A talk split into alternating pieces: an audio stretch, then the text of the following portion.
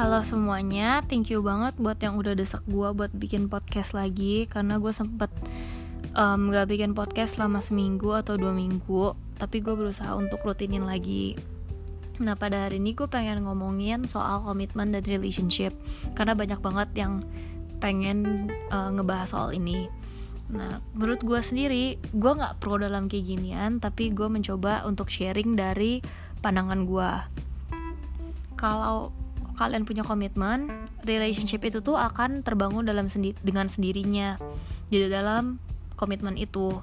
Misalkan nih, kalian pasti ngeliat, ngeliat banyak banget orang yang udah lima tahun bareng-bareng sama-sama, tapi gak pacaran gitu, tapi mereka memang bareng aja dan langgeng gitu. Nah, artinya mereka punya komitmen di dalam hubungan mereka itu. Nah, untuk bisa membangun komitmen dengan baik tentu kalian harus punya komunikasi yang baik punya um, saling mengerti saling bisa tahan ego dan maunya masing-masing dan sama-sama punya tingkat kedewasaan yang um, setara gitu yang sama lah. Nah terutama lagi kalian harus tahu love language kalian masing-masing itu tuh apa. Misalkan nih cewek butuhnya um, words of affirmation sama butuhnya quality time bareng. Sementara cowok tuh biasanya butuhnya um, receiving gifts sama physical touch. Ya kalian harus ngerti gitu pasangan kalian maunya apa dan kalian maunya apa. Jangan sampai salah ngasih gitu. Misalkan pasangan kalian maunya words of affirmation tapi kalian kasihnya gifts terus. Ntar dia mikirnya pasti kayak kok dia udah kasih banyak banget tapi gue masih ngerasa nggak disayang gitu. Karena ya salah ngasih gitu salah bentuk cintanya gitu.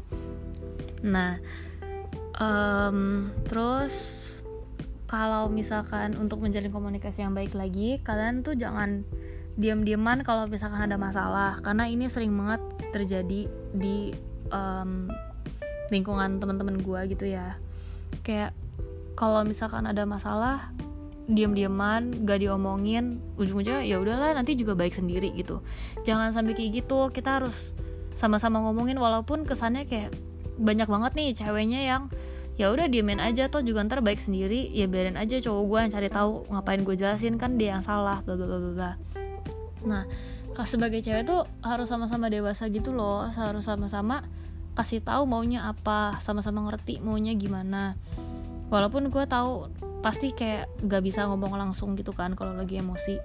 Tapi ya gak apa-apa. Kalian chill dulu tenangin diri dulu. Nanti tapi harus diomongin jangan gak diomongin jangan didiemin doang. Karena kalau didiemin kan pasangan kalian nggak tahu maunya apa. Nanti bakal keulang nih ke depannya kayak gimana dan bakal ngerusak hubungannya di ke depan harinya gitu. Terus um, harus sama-sama pengertian. Apalagi kayak lagi karantina kayak gini gue sering banget ngelihat banyak pasangan yang putus gara-gara um, gak bisa ketemu atau lagi karantina gini sibuk masing-masing bla nah harus sama-sama ngerti. Misalkan nih cowoknya ninggalin seharian main game.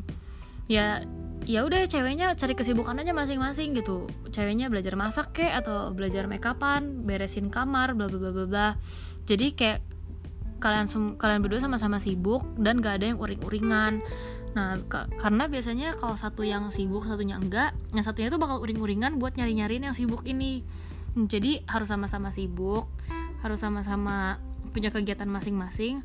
Toh juga kalau dia nanti bakalan selesai main game, di ujung hari tuh dia bakalan cari kamu juga, dia bakalan kayak ah kayaknya gue seharian ini belum ngomong sama dia, gue kangen deh sama dia, pasti gitu jadi nggak perlu nempel terus-terusan ya nggak apa-apa. Lebih healthy buat kalian tuh bisa punya aktivitas masing-masing. Nanti pas udah akhir hari baru kalian cerita kalian ngapain aja gitu.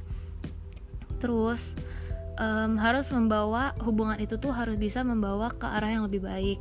Nah kalau kalian bisa ngelihat um, kalian sama orang itu atau sama pasangan kalian at least lima tahun ke depan aja menurut gua um, ya udah jalanin dulu gitu selama lima tahun ke depan ini. Karena gue tahu nih pasti yang dengerin podcast gue itu tuh udah teen gitu lah ya pasti udah remaja udah kayak kisaran 17 sampai 20 20-an tahun gitu.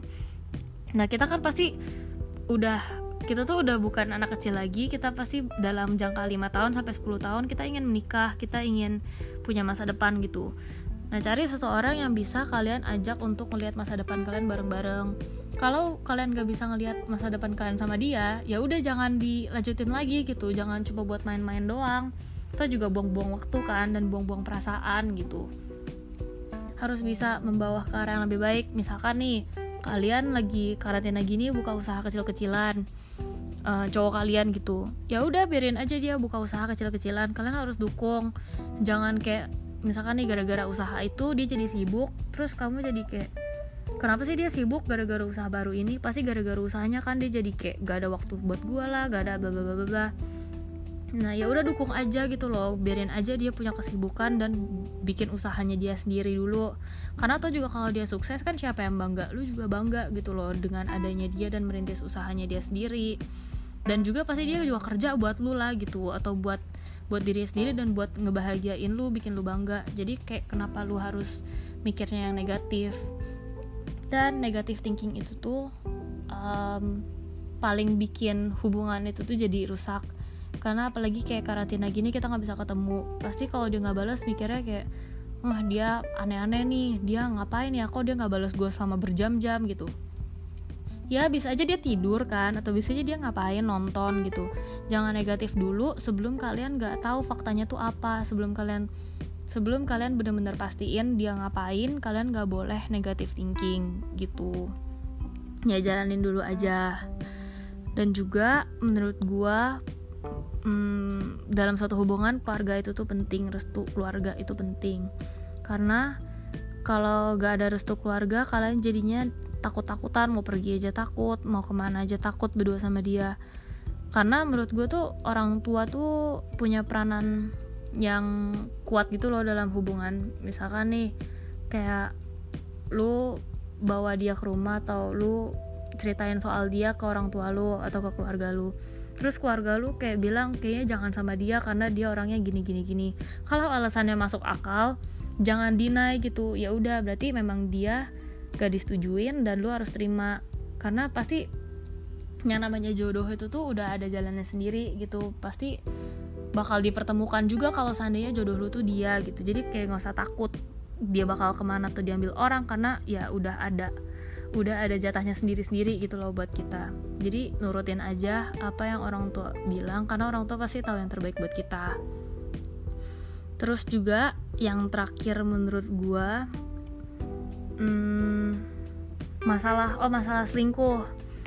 Kadang-kadang kan pasti banyak tuh yang uh, ya gue nggak tahu kan dia sekarang kayak gimana. Dia seli, uh, dia selingkuhin gue nih atau kayak dia sering banget pergi sama orang lain pergi sama cewek lain bla bla bla bla ya ya udah gitu. Kalau misalkan dia seandainya selingkuh ya kasih aja ke orang itu. Gak usah fight back gitu biarinin aja toh juga kalau misalkan dia selingkuhin lu artinya dia tidak bisa menjaga komitmen itu dengan baik. Dia um, selingkuhin lu ya masa iya lu masih mau bertahan sama orang yang kayak gitu? Nah gue ngerti pasti orang-orang um, ya kan lu nggak tahu udah berapa lama gue sama dia pasti masa dia selingkuhin gue gue nggak sedih bla ya emang sedih sih cuman ya buat apa sedihin orang yang lingkuhin lu? Karena gue tahu lu pasti lebih daripada cuman sekedar selingkuhan gitu. Jadi kalau misalkan dia selingkuh kasih aja buat orang itu. Toh juga dia lu bisa dapat yang lebih baik juga daripada dia. Gitu. Jadi ya kenapa harus dipertahankan sama orang yang lingkuhin lu gitu. Dan um, gue tahu sih ini ini tuh kayak diambilnya dari orang-orang yang mm, beragama Kristen. Tapi kayaknya tuh buat orang yang non Kristen juga bisa memakai memakai trik gue ini. Nah dalam hubungan kalian kalian pasti pernah dengar dong ada ayat kayak yang dari ambil, diambil dari satu Korintus yang love is patient love is kind gitu-gitu. Nah kalian coba ganti kata-kata love itu jadi um, hubungan kalian sama dia gitu. Kalau misalkan memang banyakan um, enggaknya daripada iyanya misalkan nih love is patient love is kind.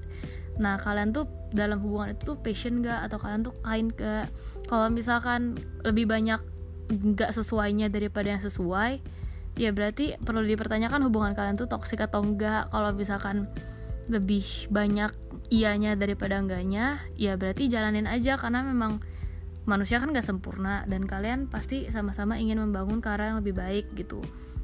Jadi ya jalanin aja. Tapi kalau misalkan enggak ya kalian perlu pertanyain sendiri kalian tuh nyaman gak atau kayak mau sama dia terus gak atau berusaha untuk memperbaiki hubungan itu arah lebih baik gak gitu